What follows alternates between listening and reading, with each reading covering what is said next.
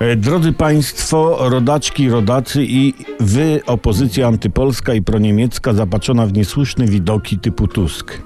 Zapraszam na prezydenckie orędzie noworoczne. Jadę.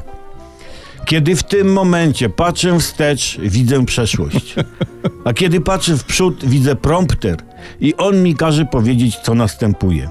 Kochani, co nas czeka od 1 stycznia? Od 1 stycznia czekają nas kolejne dni. 2 stycznia, 3 i tak dalej.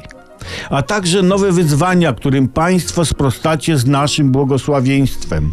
Ceny co prawda będą wyższe, ale w zamian podwyższymy podatki. Ale tak, żebyście Państwo nie zauważyli. W centrum naszej uwagi będzie rodzina.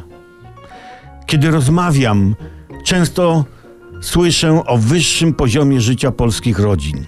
A kiedy nie rozmawiam, to nie słyszę.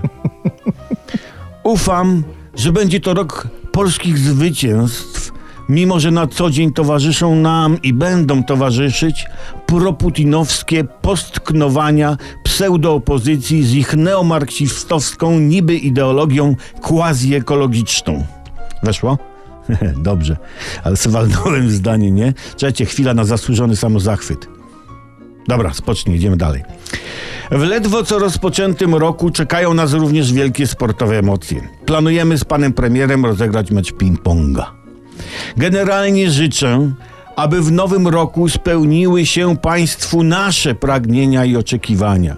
Niech wzajemna życzliwość i uprzejmość nie przeszkodzą Państwu w pluciu na naszych przeciwników, byśmy mogli my iść przez następne kadencje ze spokojem i pogodą ducha.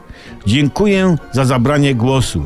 Jak to powiedział poeta, hop, siup. Przed felietonem y, pytał operator kamery Albratowskiego, jak będziesz siedział. To, ja po felietonie mówię, że długo i we wronkach, wiesz?